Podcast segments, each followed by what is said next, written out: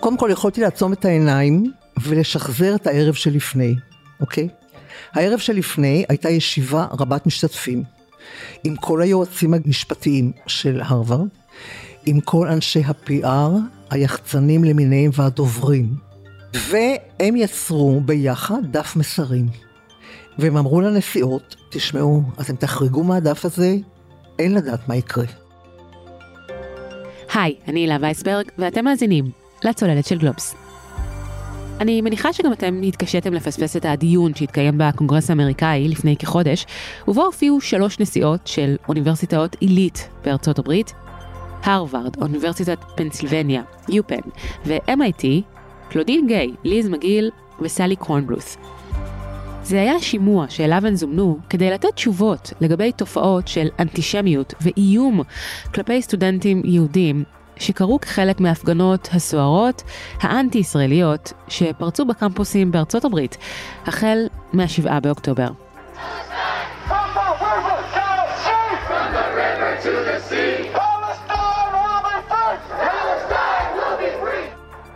השימוע בקונגרס היה ארוך, הוא נמשך שעות, אבל היה קטע אחד מתוכו שהפך לוויראלי. And Dr. Gay, at Harvard, does calling for the genocide of Jews violate Harvard's rules of bullying and harassment, yes or no? It can be, depending on the context. What's the context? Targeted as an individual, targeted as, at an individual. It's targeted at Jewish students, Jewish individuals. Do you understand your testimony is dehumanizing them? מי ששמעתם עכשיו היו חברת הקונגרס הרפובליקנית אליס סטפניק ונשיאת הרווארד, קלודין גיי. גם הנשיאות ליז מגיל וסאלי קורנבלות' נתנו פחות או יותר את אותה תשובה מתחמקת לשאלה האם קריאה לרצח יהודים מפרה את הנהלים של המוסד. אז היום ננסה להבין מה עמד מאחורי התשובות המתחמקות והמקוממות האלה תחת ההסבר של חופש הביטוי. וכן נדבר כמובן על אקדמיה ואנטישמיות, על אינטרסים כלכליים וכסף גדול שמגיע, אתם כבר בטח יכולים לנחש, בעיקר מקטר. גם נשאל מה ההבדל בין השמעת ביקורת לגיטימית כלפי ישראל לבין אנטישמיות. נדבר על זה עם רבקה כרמי, פרופסור לרפואה וגנטיקה, נשיאת אוניברסיטת בן גוריון בשנים 2006 עד 2018, וכיום יושב ראש Science Abroad, ארגון המדענים הישראלים בחו"ל. וגם עם מי שחווה את האירועים בהרווארד ממקור ראשון, ברק סלע. סלע הוא סטודנט לתואר שני בבית הספר קנדי לממשל באוניברסיטת הרווארד, ולשעבר מנהל מכון רעות לאסטרטגיה ומנהיגות. שלום פרופסור רבקה כרמי, ברוכה הבאה לצוללת. שלום לחילה. אז אה, את אה, כמובן לשעבר אה, נשיאת אוניברסיטת בן גוריון, וכיום יושב ראש Science Abroad, ארגון המדענים הישראלים בחו"ל, שמסייע בעיקר בתחום החזרת המוחות. נכון מאוד. זה ארגון שהוקם לפני כמעט 20 שנה, על ידי שני פוסט-דוקטורנטים ישראלים, אחד בהרווארד, אחד ב-MIT, mm-hmm. בדיוק מתוך המטרה לעזור להם בכל מה שנחוץ על מנת uh, לשוב ארצה. זה התחיל ממדענים בתחום מדעי החיים, mm-hmm. והתפתח למדענים בכל התחומים שהם, גם בסטם, גם מדעי הרוח והחברה, ו- אה, וקרוב לוודאי שאנחנו מתחילים משפטים וחינוך, mm-hmm. והכוונה היא באמת uh, לתת מענים לכל הסוגיות שקשורות בחזרה ארצה. אז לאור העובדה שאת ככה פועלת בתוך הארגון הזה מזה כבר כמה שנים, את בוודאי משוחחת עם הרבה מאוד אקדמאים בחו"ל, גם עוד קודם לכן, אה, מן הסתם. וגם עכשיו הנושא הזה של חזרה לישראל, אני חושבת מקבל איזושהי תפנית, ואנחנו תכף נרחיב לגבי מה שקורה בקמפוסים היום, לגבי מה שקורה באקדמיה אה, בכלל.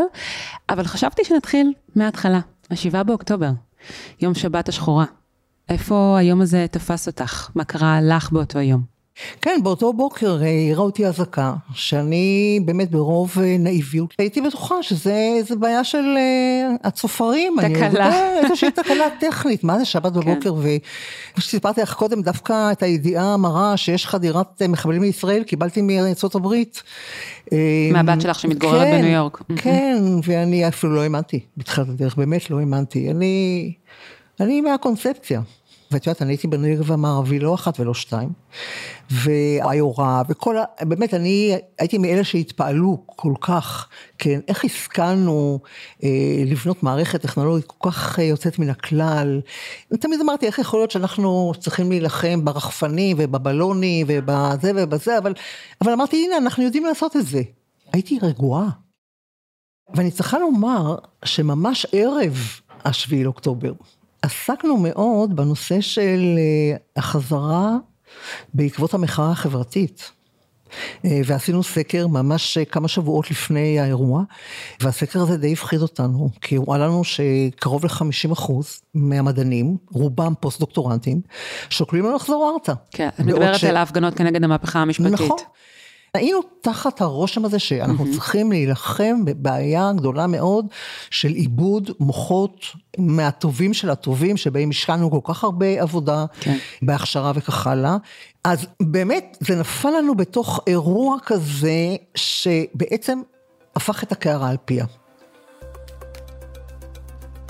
אז מתי את מתחילה לשמוע באמת לגבי תופעות שעכשיו, אה, את יודעת, אני חושבת ממלאות את הקמפוסים, בטח עד לפני כמה שבועות אה, בצורה מאוד מאוד עוצמתית, של אנטישמיות, אנטי-ישראליות, ההפגנות הגדולות האלה ש, שמילאו את הקמפוסים, עם האמירות האלה המרעישות, From the river to the sea, Palestine will be free, וכל מה ששמענו עליו בתקופה האחרונה.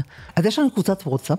של מי? של מנהלים, בתוך ה-Science Aboard, mm-hmm. של מנהלי הקהילות. ושם, בבוקר של למחרת, אולי יומיים לאחר מכן, התחלנו לשמוע דברים מאוד קשים. מה? נתחיל עם זה שהנשיאים, נשיאות וכך הלאה, ראשי המערכת, הוציאו מין תגובות מאוד מאוד רפות, זה היה ממש מתחילת הדרך. והכעס, האכזבה והכעס הגדולה של הישראלים, כן, זה היה הדבר הראשון שהתבטא, איך יכול להיות, אנחנו עברנו אירוע שכזה ואנשים לא מכירים בזה, הכאב היה גדול מאוד מאוד. ומה את שומעת מאנשי אקדמיה שאיתם את משוחחת? מה הם מספרים לך? הם מפוחדים? מה הם שומעים? איך מתייחסים אליהם? יהודים וישראלים. כן. תקופה מאוד מאוד קשה. החוויות שלהם, למרות שיהודים נתקלו בעבר באנטישמיות, אבל באמת לא בוטה ומסוכנת ואלימה, כמו שהם חוו בשבועות האחרונים. אה, ישראלים בכלל בהלם. בגלל הסיפור הזה, כן, שפתאום, את יודעת, מול הפרצוף קיבלו את המושג הזה שנקרא אה, אנטישמיות. כי אנחנו שלכל הפחות נקבל אמפתיה אחרי טבח כל כך מזעזע ורצחני. זה כל מה שהם רצו, את מבינה, לומר, אין קונטקסט לדבר הזה, אין קונטקסט. זה כמו שאתה מסתכל על, על, על תרבות או על מקום זר לך לחלוטין, אבל אתה באופן אוטומטי מזדהה עם הנפגע באותו רגע. כן? אתה גם מזדהה עם בלתי תלויים ובלתי מעורבים שנהרגים במלחמה, אתה מזדהה. אבל כשיש טבח ויש אונס של היזידים, כן? או של בוקו חרם, אתה לא מחפש את הקונטקסט, כן? למה זה קרה. בוודאי. תכף אנחנו נרחיב את הדיבור על תנועת החרם כנגד ישראל, שכבר, את יודעת, פועלת הרבה שנים, ה-BDS, ולך גם יש ניסיון בהתנהלות מולה כשהיית נשיאת אוניברסיטת בן גוריון. אבל אני חושבת שחשוב להבהיר בנקודה הזו, מה ההבדל בין ביקורת שיכולה להיות לגיטימית כלפי ישראל, כלפי המדיניות שישראל מובילה, כלפי הממשלה כאן, לבין אנטישמיות. איך יודעים להבחין? מהבחינה הזאת, לדעתי, גם אנחנו קצת מבולבלים, כן? כי מצד אחד, אנחנו ישראל, אנחנו מייצגים את ישראל, מצד שני, יש לנו התנגדות אינהרנטית קשה מאוד לממשלה שלנו. לחלקנו, בואי נגיד. לאלה שקובעים היום את האג'נדה האזרחית, ללא ספק.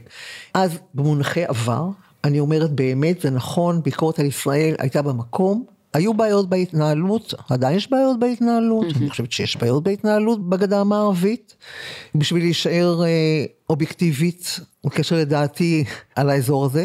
כן. אפילו אמרת לי שאמירה כמו אפרטהייד, אוקיי, היא כמובן שנויה במחלוקת, אבל אפילו אותה לא היית מייחסת לאנטישמיות בהכרח, למרות שהיא קיצונית וקשה מאוד. בהחלט כן, בוודאי, אפרטהייד זה מילה אוניברסלית, ממש לא. העסק הזה הוא כל כך מעורבב. ונכון להיום, mm-hmm. גם אני שומעת מאנשים שעוסקים בנושא הזה שנים רבות מאוד, באמת, עוסקים בנושא של אנטישמיות גלובלית, בקמפוסים, mm-hmm. כל הנושא הזה, מה שנקרא contemporary antisemitism, אה, אנטישמיות חדשה שהתחילה בימין, כן, בעיקר בימין, עכשיו היא בעיקר בשמאל וגם בימין, והכל מעורבב דרך אגב, כן? אני חושבת שהיום אנחנו מתחילים להבין שהאנדר קארנט, כל הזמן זה אנטישמיות. זאת אומרת, זה עולה, זה יורד, אבל יש איזה משהו בסיסי אנטישמי בעולם. כן, אבל לא כל אמירה או התנגדות או הפגנה אנטי-ישראלית היא אנטישמית, זה ברור, לפעמים גם הישראלים בעצמם מזוהים עם, ה- עם ה-BDS או יש להם ביקורת. נכון. זו לא אנטישמיות נכון, בהכרח. זה נכון. מתי זו כן? בעיניי אנטי ציונות, כי אנשים אומרים שגם אנטי ציונות זה לא אנטישמיות. מה זה אנטי ציונות? אם אתה לא מאמין בציונות, אז אתה לא מאמין בקיומה של מדינת ישראל, או בזכות של מדינת ישראל להתקיים. מדינת ישראל היא מדינת היהודים, אין מה לעשות, כן? אז להיות נגד זה, זה להיות אנטישמי. From the river to the sea, אין לך מה להתווכח. קיום. זו כן. אמירה אנטישמית ברורה, חד משמעית, כן? אבל גם דברים אחרים, שהם קצת יותר רכים. מה למשל? כן? כמובן, אני לעולם לא אוכל להוכיח את התזה הזאת, כן? כן. אני אומרת, שכשנגיע, אנחנו נגיע בסוף לחרם הסמוי, כן? שלדעתי מה שמבדיל את אלה שנוקטים בחרם סמוי, ואלה שלא נוקטים בחרם סמוי, זאת אומרת, לא נמצאים בתוך העולם הזה, זה הסיפור של האנטישמיות. זאת אומרת, אני חושבת שה-undercurrent הזה, הזרם התת-קרקעי של האנטישמיות, לא זהה לגבי כל האנשים. טוב, הזכרנו את החרם הסמוי על אנשי אקדמיה ישראלים. מה זה החרם הסמוי ואיך הוא בא לידי ביטוי? טוב, החרם הסמוי אה, כשמו כן הוא, כן, הוא סמוי מן העין, ולכן אין שום דבר כמותי שאפשר להתייחס אליו, לפחות לא בשלב זה. זה לא דבר חדש, דרך אגב. שנים שאנחנו אה, מודעים לנושא הזה של ה-BDS, תורת החרם על ישראל, ההחרמה של ישראל באופן כללי ושל האקדמיה באופן ספציפי. אז היו גם בעבר לא מעט דיווחים מהסוג הזה, שוב, בקשר עם אירועים כאלה ואחרים.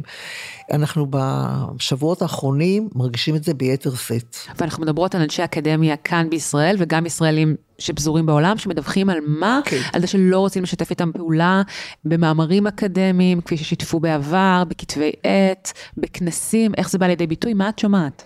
אני רוצה קודם כל להבהיר שני דברים. אחד, האקדמיה בעולם, לא רק בישראל, בעולם, המהות שלה זה שיתופי פעולה. כן. שיתופי פעולה בינלאומיים זה הדבר שמניע את העולם האקדמי. שיתופי פעולה יכול להיות מחקריים, שיתופי פעולה יכולים להיות יישומיים, מעשיים, שיתופי פעולה. כן. הדבר האחר זה שהאקדמיה מאוד מאוד תלויה בהערכת עמיתים. peer review. peer review, שהכל. יש peer review של מאמרים לזה שמתקבלים לפרסום, peer review של מענקי מחקר לצורך קבלת uh, כספי מחקר, peer review של המלצות לקידום. המלצה לקידום בסולם הדרגות האקדמיים מותנית בהמלצות. את יודעת, ואת אומרת אקדמיה, כולנו מדמיינים מדעי רוח, חברה, משפטים, אבל למעשה אקדמיה זה הכל, כלומר עולם הרפואה הוא תלוי אקדמיה, אנשים שנוסעים לעשות fellowship, ברור, זה תלוי הכל, אקדמיה. רפואה, STEM, בכל תחום שהוא. שלא לדבר על כנסים, כנסים בארץ, כנסים בחו"ל. הפתיחות של האקדמיה הישראלית לעולם הגדול זה דבר קריטי. זאת אומרת, ברגע שאנחנו נתחיל להיות מבודדים מהעולם, הלך עלינו, במרכאות, כן. לא רק מבחינה אקדמית, אלא גם מבחינה כלכלית. כן? מה זה המחקר האקדמי? חלק גדול ממנו זה באמת חקר האמת, אבל חלק גדול ממנו זה תרגומי, זה יישומי, יישומים בתעשייה מכל הסוגים והמינים. החשש הזה שאנחנו לאט לאט נהיה מבודדים במדינה גם מבחינה אקדמית, יש לו משמעויות מאוד מאוד קשות. ולכן, מה אנחנו שומעים?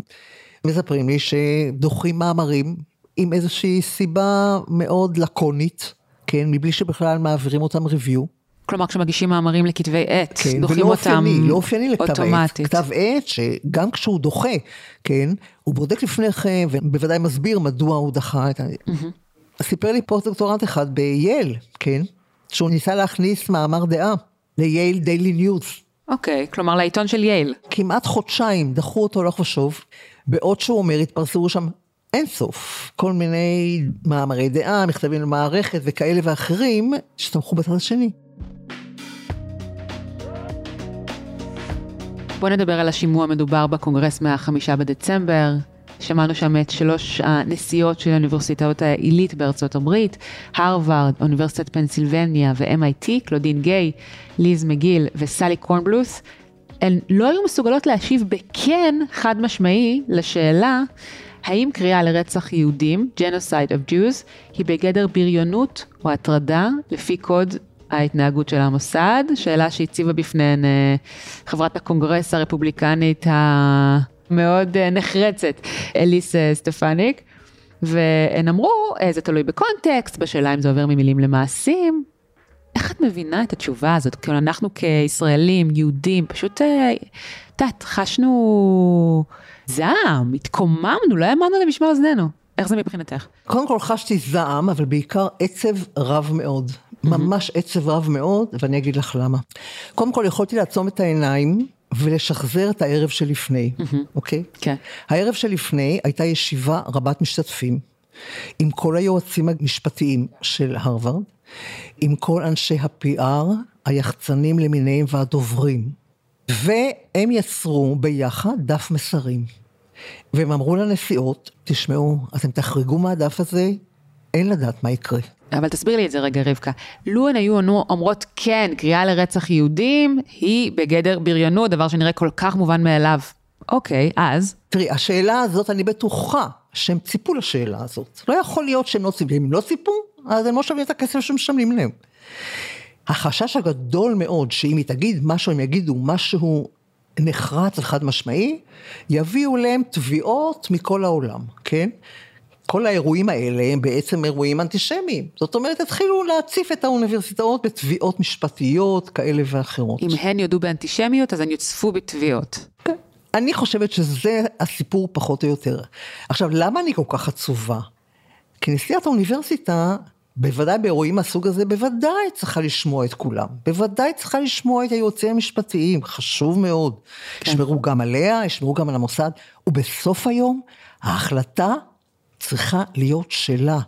וזה ששלוש נשים חזקות, טובות ומוכשרות, לא יכולות היו לקבל את ההחלטה המוסרית, או את התשובה המוסרית הכי פשוטה בעולם, כי אני חושבת שאם הייתה שואלת, ואני הייתי במקומה, במקום אליס סטפניק, הייתי שואלת, ולו בקמפוס היו קוראים לרצח שחורים, או הקוקלוס קלן היו רוצים להופיע בקמפוס. כן. הדבר הזה שהיה כל כך טריוויאלי וברור, פתאום פה נעשה בעייתי. קראתי הרבה פרשנויות אחרי הדיון הכל כך אה, מעורר הדים הזה, כל כך מכעיס, על כך ש...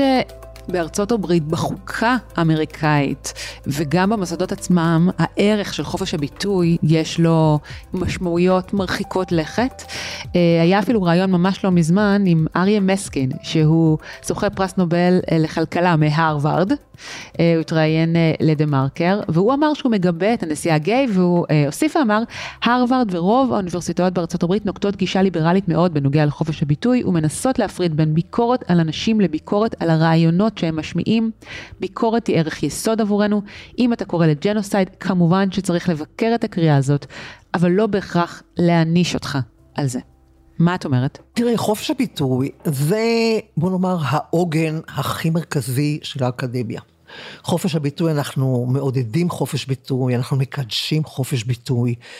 אני חושבת שבלי חופש ביטוי, אה, שלא קיים למשל במדינות אה, אה, טוטליטריות וכך הלאה, הוא בסיס גם להתפתחות, הוא בסיס לחשיבה, הוא פתוחה, ללא ספק.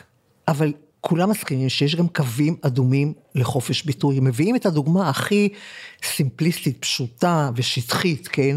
לא צועקים אש באולם מלא אנשים, אוקיי? כאילו הצעקה לאש זה חופש ביטוי, נכון? אבל לא עושים את זה באולם מלא, כי יש תוצאות לעשייה הזאת, כן? תוצאות פוטנציאליות. כשמביאים דוגמה לקו אדום, מביאים את הדוגמה הזאת. Mm-hmm. אנחנו מדברים פה לא על איזה קריאה ביקורתית, אנחנו מדברים פה על קריאה לרצח, להשמדה. על זה יושבים ומדברים. ומתדיינים. ומתדיינים, ומסבירים. שאם זה מופנה ש... קונקרטית ש... כלפי מישהו, אבל גם מה זה אומר מופנה קונקרטית כלפי מישהו? כלומר, לשלוף את האקדח לפני, אחרי, מה? אני חושבת שצריך להיות שיח, ואחד הדברים שאנחנו נצטרך לעשות בהמשך, זה באמת שיח מאוד מעמיק, באיך הגענו עד הלום, ומה אנחנו נעשה מכאן ואילך. אנחנו נדבר את האקדמיה בעולם. כן. אבל בנושא הזה, לא. אין חופש ביטוי, בשום פנים ואופן. כשאתה קורא לרצח, כן? בין אם אתה אומר את המילה רצח, לבין אתה אומר משהו שמשתמע ממנו רצח, זה קו אדום לחופש הביטוי. בואי ניקח דוגמאות בעצם מהתקופה שלך כנשיאה.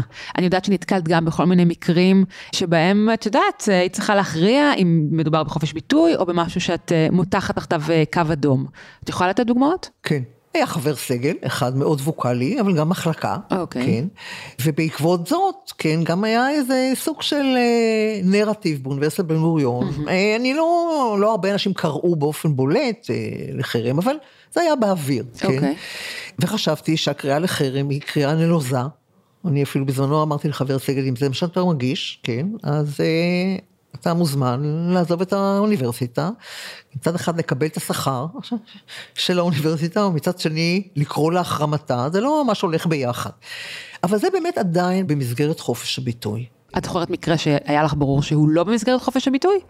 תראי, אני ניסיתי לשמור תמיד על איזה סוג של ממלכתיות, על איזשהו כן. סוג של איזון ככל שניתן. אז תרחיש היפותטי, הפגנות באוניברסיטה שמדברות על פגיעה מסוג כלשהו באיזשהו מיעוט בתוך המדינה, קשה לי אפילו להגיד ערבים ישראלים ופלסטינאים, כי זה מחריד, אבל נניח. כל אמירה, בין אם היא ישירה, בין אם מעקיפה, לפגיעה פיזית במיעוט כלשהו, בעיניי קו אדום לחופש הביטוי. הרי זו הסתה, והסתה היא בניגוד לחוק. לחלוטין, בדיוק אם מישהו היה, כן, נפגע בהסתה, או נגד קבוצה כזו, או נגד קבוצה אחרת, כן, הוא היה עולה לשימוע או להליך משפטי.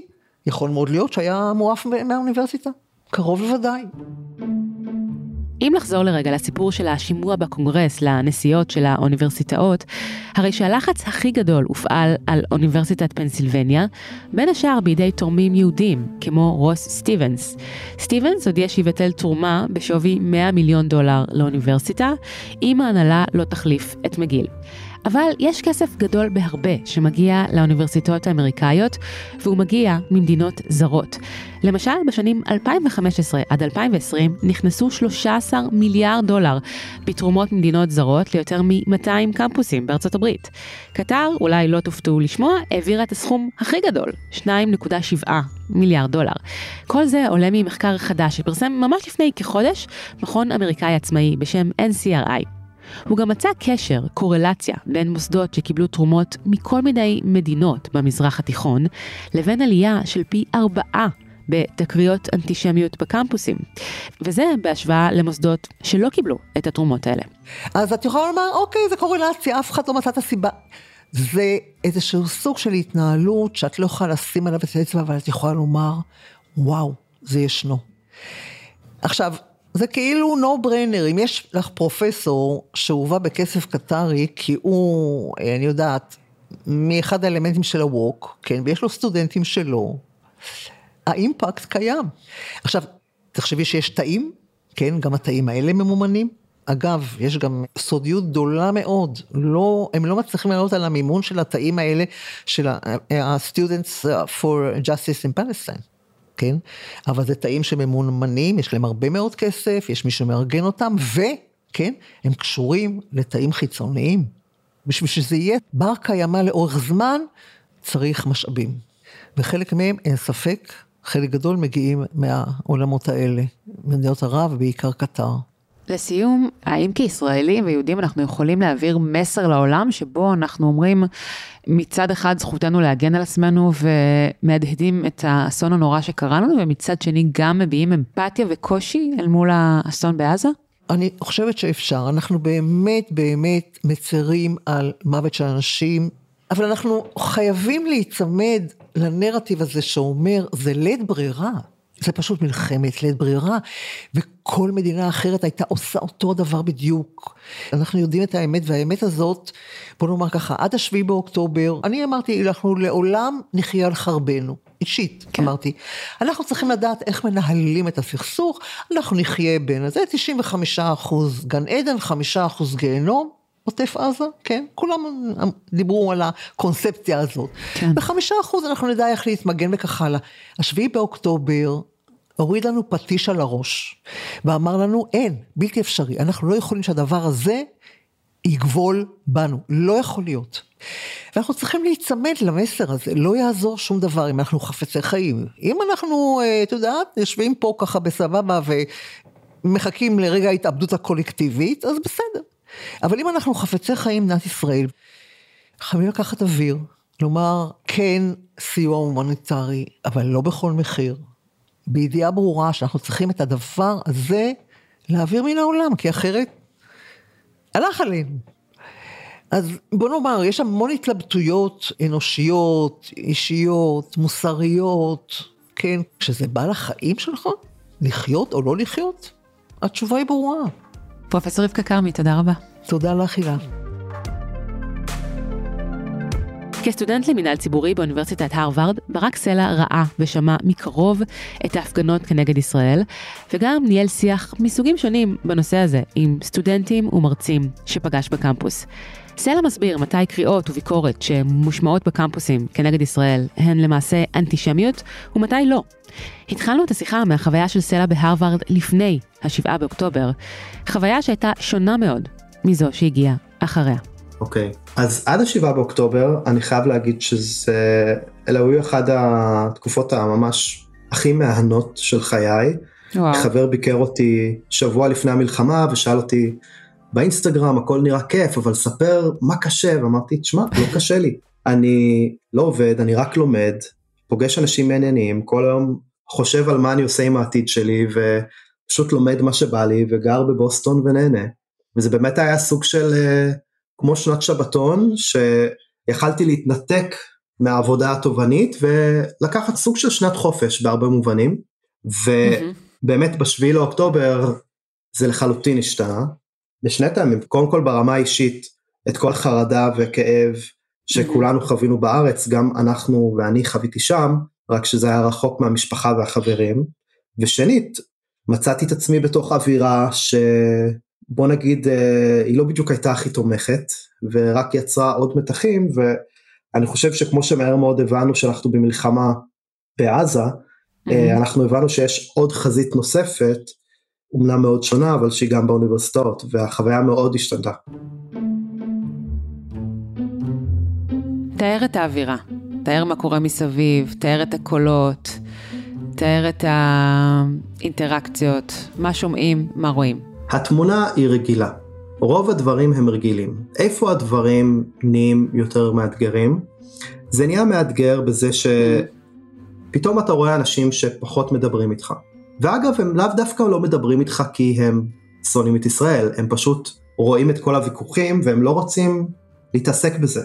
או פתאום יש איזה אירוע חברתי שאתה מגלה שקורה ולא הוזמנת אליו, ואתה, שוב, אף אחד לא יגיד שזה בגלל זה, אבל אנשים רוצים להימנע מעימותים. זה הרבה ממה שמניע אנשים, רוצים להימנע מעימותים, ובטח אני בן אדם שמאוד, אה, בוא נגיד, ווקאלי בקמפוס, אז אני מרגיש את זה מאוד. למשל, אחרי שהנשיאה גיי, לפני חודש בערך הוציאה מכתב מאוד מקיף כנגד האנטישמיות, שמסביר את הצעדים שהאוניברסיטה הולכת לעשות כדי להילחם באנטישמיות, אז כמה מאות מרצים הוציאו מכתב נגד שמזהיר מפני הפגיעה בחופש הביטוי באוניברסיטה. ואז אתה רואה את הפרופסורית שלך חתומה על המכתב הזה.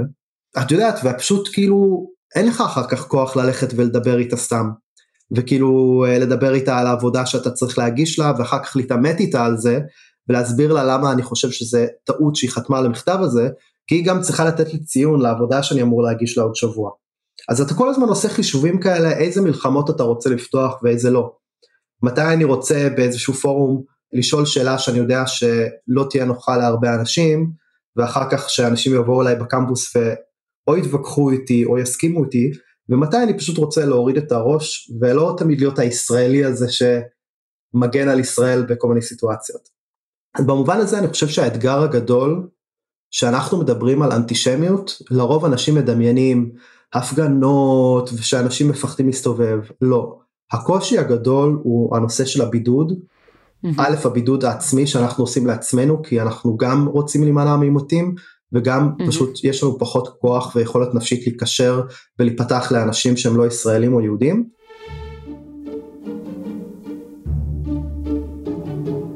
אבל תגיד, למה זו אנטישמיות? הפגנות עם From the River to the Sea, אני כמובן מבינה וזה יכול להגיע למקומות הרבה הרבה יותר קיצוניים. אבל יכולה להיות גם ביקורת לגיטימית על כך שאולי ההרס והפגע וההרג אה, בעזה הם בהיקפים אה, גדולים מדי, שצריך לנהל את המלחמה הזו אחרת, שיש גם אנשים אומללים מאוד והרבה מאוד קורבנות גם בצד השני.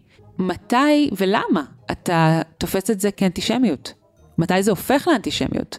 זאת שאלה מצוינת. חשוב לי להבהיר שלא הכל זה אנטישמיות, ואנחנו נעשה טעות גדולה עם כל אה, ביקורת או דיון על ישראל או על הסכסוך עם הפלסטינים ייתפס כאנטישמיות. כי להפך, אנחנו זקוקים להיות חלק מהשיח הבינלאומי. הדבר הכי גרוע זה ללכת למקום של כל העולם נגדנו, ואז אנחנו צריכים להתנתק מהעולם ולהיות איזה מתבודדים כאלה. לא. Mm-hmm. ואנחנו צריכים שיהיה לנו את האומץ להיות בשיחות לא נעימות, ויש לי לא מעט מקרים שסטודנטים שהם ממש לא אנטישמים, שהם אוהבים אותי, הם אוהבים, הם, יש להם חברים יהודים, הם אוהבים את ישראל, והם שואלים אותי שאלות קשות, הם שואלים אותי שאלות קשות על המדיניות של ישראל במלחמה ועל הממשלה שלנו, והם מאתגרים, וזה ממש לא ממקום של אנטישמיות, וגם אני יש לי ביקורת מאוד גדולה על הממשלה, ואחד הדברים שאני אומר הרבה בקמפוס, שההוכחה. לדעתי לאופי הדמוקרטי של ישראל זה שגם בזמן מלחמה אנחנו שומעים ורואים המון המון ביקורת כלפי הממשלה בתוך ישראל וזה דבר חיוני וקריטי. עכשיו איפה זה עובר לאנטישמיות? זה עובר לאנטישמיות אה, כאשר ישראל א', מערערים על הזכות קיום שלך בתוך השיחה, וב', שאתה מבין שישראל מוצבת באיזשהו אה, סטנדרט בלתי סביר אה, בכל מה שקשור לביקורת עליה. למשל אני אתן שתי דוגמאות. דוגמה אחת, mm-hmm. היה לי ויכוח עם סטודנטית שהיא מאוד מאוד ביקורתית כלפי ישראל, והיא עבדה באו"ם, ואז אני שאלתי אותה למה הוועדה לזכויות האדם באו"ם מבקרת את ישראל בלי סוף ולא את שאר המדינות ואיך היא מסבירה את זה. אז היא הייתה מופתעת אמרה לי אה זה כי אנחנו מצפים מכם יותר. אמרתי לו נו באמת בואי תסתכלי קצת על המציאות כאילו אם, אם ישראל היא המדינה היחידה כמעט שמבקרים אותה ולא מעבירים החלטות כנגד מדינות רבות אה, שעושות הפרות זכויות אדם הרבה יותר גרועות אז יש פה בעיה. זה דבר אחד. דבר שני אני יכול לתת דוגמה שיש הרבה סטודנטים אצלנו שתומכים בהפסקת אש ב ceasefire. ויצא לי פעם להתווכח עם אה, האנשים שם ושאלתי אותם שאלה פשוטה אמרתי להם אם עכשיו עושים ceasefire, הפסקת mm-hmm. אש, איך אתם אה, מבטיחים שיום למחרת לחמאס אין את היכולת הצבאית לעשות עוד מתקפה בסדר גודל של 7 באוקטובר. ואז אתה רואה שהאנשים שתומכים בסיספייר מתחלקים לשתיים. הקבוצה הראשונה, אני קורא לה הקבוצה הסבירה, זה האנשים שבאמת, נגיד, הם אה, נגד מלחמה, הם קשה להם עם ההרג, הם לא מבינים את מטרות המלחמה, הם לא רוצים שארצות הברית תתמוך בזה, והם פשוט רוצים שהמלחמה תיפסק ושהכסף לא ילך לפצצות, אלא לתוכניות רווחה בתוך ארצות הברית. אני יכול להתווכח איתם על המדיניות, אבל איתם אני יכול להתווכח.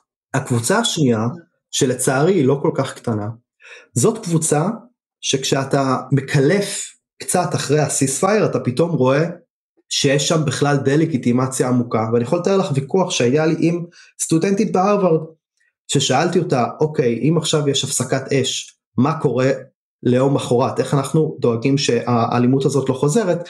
אז היא אומרת אתם צריכים לסיים את הכיבוש. אז אני שואל אותה מה זה כיבוש? קיבוץ בארי זה כיבוש מבחינתך? אז היא אומרת כן. אז אני אומר לה ותל אביב זה כיבוש מבחינתך אז היא אומרת לי כן. אז אני אומר לה כן. על מה יש לנו לדבר את מבחינתך אין לי זכות קיום, מבחינתך כל מדינת ישראל כישות זה כיבוש, ואז על מה יש לנו לדבר בכלל? ואז כמובן אתה עוד קצת דוחק ואז פתאום אתה מגלה שהיא חושבת שבכלל חמאס לא הרג אזרחים בשביעי לאוקטובר, סטודנטית בהרווארד, כן? אבל התגובה של הרווארד כמוסד, התגובה של שלוש הנשיאות בדיון בקונגרס, האם זו אנטישמיות? התגובות היו צורמות מאוד. אבל הן ככל הנראה לא אנטישמיות לכשעצמן, והרווארד ככל הנראה לא מוסד אנטישמי, לא? אני לא חושב שנשיאת הרווארד כאינדיבידואל היא אנטישמית. אין לי ספק בזה שהיא באופן אישי מתנגדת לאנטישמיות. הבעיה היא פה המערכת שמייצרת את אותה סיטואציה. הרי למה הנשיאה גיי ענתה על שאלה של האם הקריאה לג'נוסייד היא מפרה את הנהלים של האוניברסיטה, למה היא אמרה it depends on the context? כי היא ענתה תשובה משפטית לשאלה מוסרית. כי בסופו של דבר אנחנו מתבלבלים, אנחנו חושבים שהאוניברסיטאות זה מוסדות שהמטרה שלהם זה להיות איזה מגדלור של מוסר ודמוקרטיה ושל אמת. עכשיו, חלק מהחוויה של האוניברסיטה היא, זה קורה קצת, אבל בסופו של דבר מדובר במוסדות שהם בעיקר מוסדות כלכליים, שהם יושבים על הרים של כסף, הרים, mm-hmm. זה הרי למה אוניברסיטה צריכה לשבת על קרן של 50 מיליארד דולר? למה? כאילו זה נראה טריוויאלי, למה הקרן הרביעית בגודלה בעולם צריכה להיות בהרווארד? את מה זה משרת בדיוק? זה משרת את עצמו. אבל איך אתה קושר בין התשובה של הנשיאה הגיי לבין הר הכסף שהרווארד יושבת עליו? בסופו של דבר, הנשיאות של האוניברסיטה הן נשים בעלות אה, הרבה מאוד כוח, הרבה מאוד השפעה, אבל הן אינן דמויות של מוסר, הן אינן מנהיגות ציבור באיך שהן פועלות. הן מונו לשמור על הערך uh, הכלכלי uh, של האוניברסיטה. עכשיו, בתוך המציאות המורכבת הזאת של הסכסוך הישראלי-פלסטיני, mm-hmm. uh, כשזה מגיע לסיפור הכלכלי, הם הרי עכשיו תחת חקירה של הפרה של טייטל 6 של החוק לזכויות האזרח מ-1964, שהחוק הזה אוסר על אפליה על רקע אתני, על רקע דת, אה, לגופים שמקבלים מימון פדרלי והטבות פדרליות, והרווארד ואוניברסיטות אחרות, הן בעצם מאורגנות כעמותות ללא, ללא כוונת רווח, שיושבים על רווחים אדירים, שנהנים מהטבות מס, והם בעצם נכנסו לפלונטר, כי מכיוון שהם לא אה, אה, הגיבו באופן חד משמעי כנגד אנטישמיות בקמפוס, שוב, בטענה של חופש הביטוי, החקירה עכשיו חושפת אותן, מכיוון שבעבר הם לאו דווקא כל כך עמדו על חופש הביטוי, כשהדבר הסתדר יותר עם הערכים שהם קידמו. זאת אומרת, עושים פה איפה ואיפה, ואז ישאלו, רגע, אם אתם עושים איפה ואיפה, אתם בהפרה של טייטל 6, ואז לאבד הטבות מס על קרן נאמנות של 50 מיליארד דולר, זה הרבה יותר מסוכן מאשר לאבד 100 מיליון דולר מאיזה תורם יהודי. אז רגע, אז, אז בוא נחדד את זה ותסביר לי משהו. אם היו יוצאים עכשיו בקריאות של אינתיפאדה כנגד שחורים למשל, אם היו קוראים להרג רוסים, אם לרפרר למלחמת רוסיה-אוקראינה, מה הייתה התגובה? קודם כל, זה, הדברים האלה באופן הזה לא בדיוק קורים, אבל כן אנחנו רואים, למשל בהרווארד, כשפרצה המלחמה עם אוקראינה ורוסיה, התגובה בעד אוקראינה הייתה מאוד מאוד ברורה, ומאוד מאוד היה קל להרווארד לגנות את התוקפנות הרוסית. אחרי המקרה הנורא של ג'ורג' פלויד שנרצח, הייתה תגובה מאוד מאוד חריפה של האוניברסיטה. זאת אומרת, אני חושב שמה שהרבה יהודים וישראלים מרגישים, אגב, בטח יהודים אמריקאים שאומרים, אנחנו יצאנו להפגין עבור Black Lives Matter, תמכנו באוקראינה, תמכנו בקהילה הגאה, למה לא תומכים בנו? זאת אומרת, שוב, החוויה הזאת של אין את האמפתיה למה שאנחנו חווינו בשביעי לאוקטובר, וזה כאילו נמחק לחלוטין, היא חוויה קשה, ואגב, מי שעקב ברשתות ראה כבר בהתחלה, בשמיני לאוקטובר, בתשיעי לאוקטובר, הסנטימנט האנטי ישראלי, וזה, אפשר לראות את זה בכל המחקרים, כבר היה בעלייה, ואנחנו בתשיעי לאוקטובר במכתב מהרווארד לא קיבלנו את אותה אמפתיה שהאוקראינים קיבלו, או שציבורים אחרים קיבלו. ואז אתה אומר, רגע, למה אנחנו אחרים? למה אנחנו שונים? למה כשזה מגיע ליהודים ולישראלים, מסתבכים עם סוגיות של כסף ומשפט ואידיאולוגיה, ואיכשהו לא מצליחים באופן שלם לעמוד עם היהודים, כי שוב, אני חושב שבתוך האוניברסיטאות, מאחורי, במאחור של המחשבה, תמיד יש את האמירה הזאת של כן, אבל בארצות הברית היהודים הם לבנים והם פריבילגיים, אז כמה זה יכול להיות באמת נורא.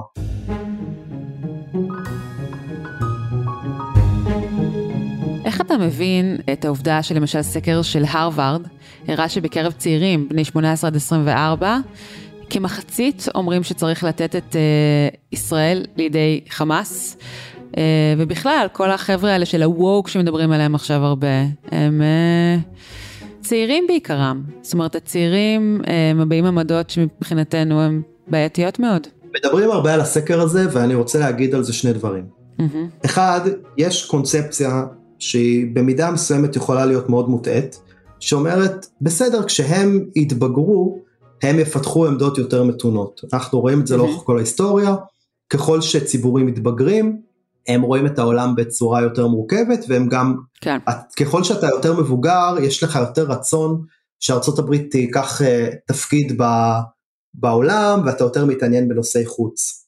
אני חושב שזאת קונספציה שיכולה להתפוצץ לנו בפנים, אם אנחנו פשוט נגיד, טוב, הצעירים עכשיו הם ככה, אבל עוד כמה שנים הם יתפכחו. אבל אני גם חושב שאותם צעירים, שהם אומרים, הפתרון המיטבי הוא פשוט לתת את ישראל לפלסטינים, כשהם אומרים את זה, הם מונעים מעניינים פנים אמריקאים. אם אנחנו רואים מה הסקרים אה, מראים לנו, הסקרים מראים לנו שהצעירים בארצות הברית היום, אין להם רצון שארצות הברית תהיה מעורבת בעולם כשוטר הבינלאומי של הדמוקרטיה. וזה אגב משהו שרואים מימין ומשמאל. אז בשמאל הם לא רוצים לתת כסף לישראל, הימין לא רוצה לתת כסף לאוקראינה. אם יש משהו שהיום הקצוות הימנים והשמאלים בארצות הברית מסכימים עליו, זה שהם רוצים לצמצם את התפקיד של ארצות הברית בעולם. שני הקצוות האלה הם במובנים מסוימים America First. הם ממש אותו uh, חלק, uh, אותו צד של המטבע. ואותם צעירים, יותר מה שמפריע להם זה שהמימון הצבאי שהולך לישראל לא הולך לתוכניות רווחה uh, ולנושאים פנים אמריקאים. הם רוצים לפתור את העניין הזה, הם לא רוצים ש... שארצות הברית תתערב שמה, והמסר שהכי מנגן אצלם, אגב אצל אותם צעירים, היא לאו דווקא אה, אנטישמיות, מה שהכי מנגן אצלם זה למה אנחנו צריכים לממן בכל כך הרבה כסף מדינה שכולם אומרים לנו שהיא superpower, שהיא start-up nation, במקום לממן בריאות uh, חינם. מעניין מאוד. אז מה המשמעות מבחינתנו? שאנחנו צריכים לעשות אה, הסברה טובה יותר, שאנחנו צריכים לדאוג להעביר את המסרים שלנו בצורה טובה יותר, כי זה ממש מכריע גם את אה, עתידנו במובנים רבים, בהתחשב בכך שהחבר'ה האלה שענו על הסקר הם בסופו של דבר ירכיבו את ההנהגה האמריקאית העתידית.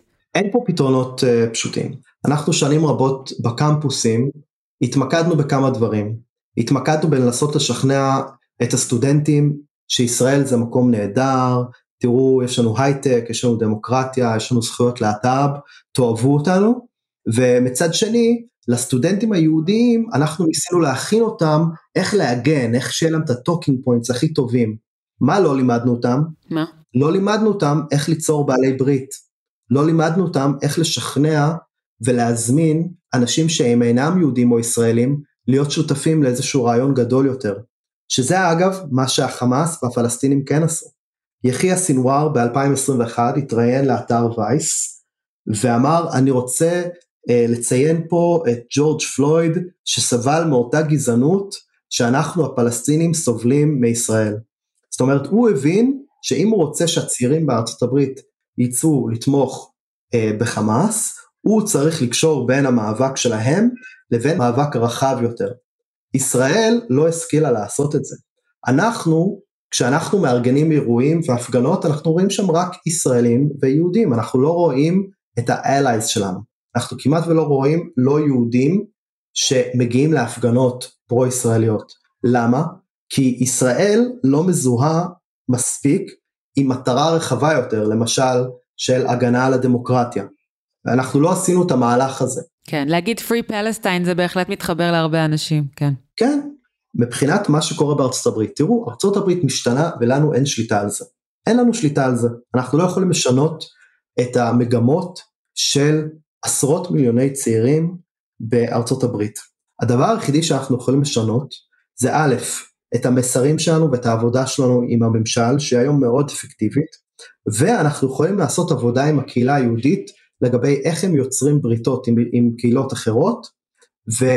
להיות חכמים, להבין שארצות הברית משתנה, ומה שהיה בעשרות שנים האחרונות, הקשר האסטרטגי בינינו, הולך להשתנות, ואנחנו צריכים מצד אחד להיערך לזה פנימית, ומצד שני לעשות עבודה משמעותית, להבין איך אנחנו מציגים לארצות הברית שהשותפות עם ישראל היא חיונית ואסטרטגית בתוך המציאות המשתנה הזאת. היום, מה שביידן צריך לשאול את עצמו, זה עד כמה אני יכול לתמוך בישראל, ומתי אני מתחיל לשלם על זה פוליטית.